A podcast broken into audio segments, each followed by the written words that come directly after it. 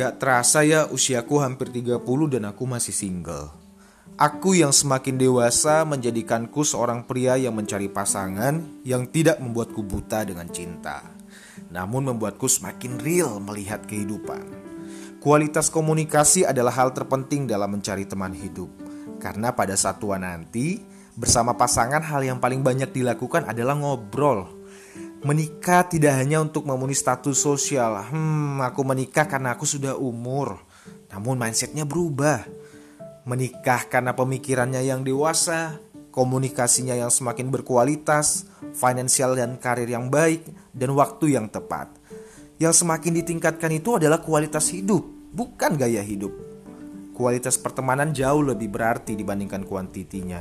Dan aku percaya Waktu Tuhan akan beriringan dengan visi dan tujuan hidup yang benar dan tepat.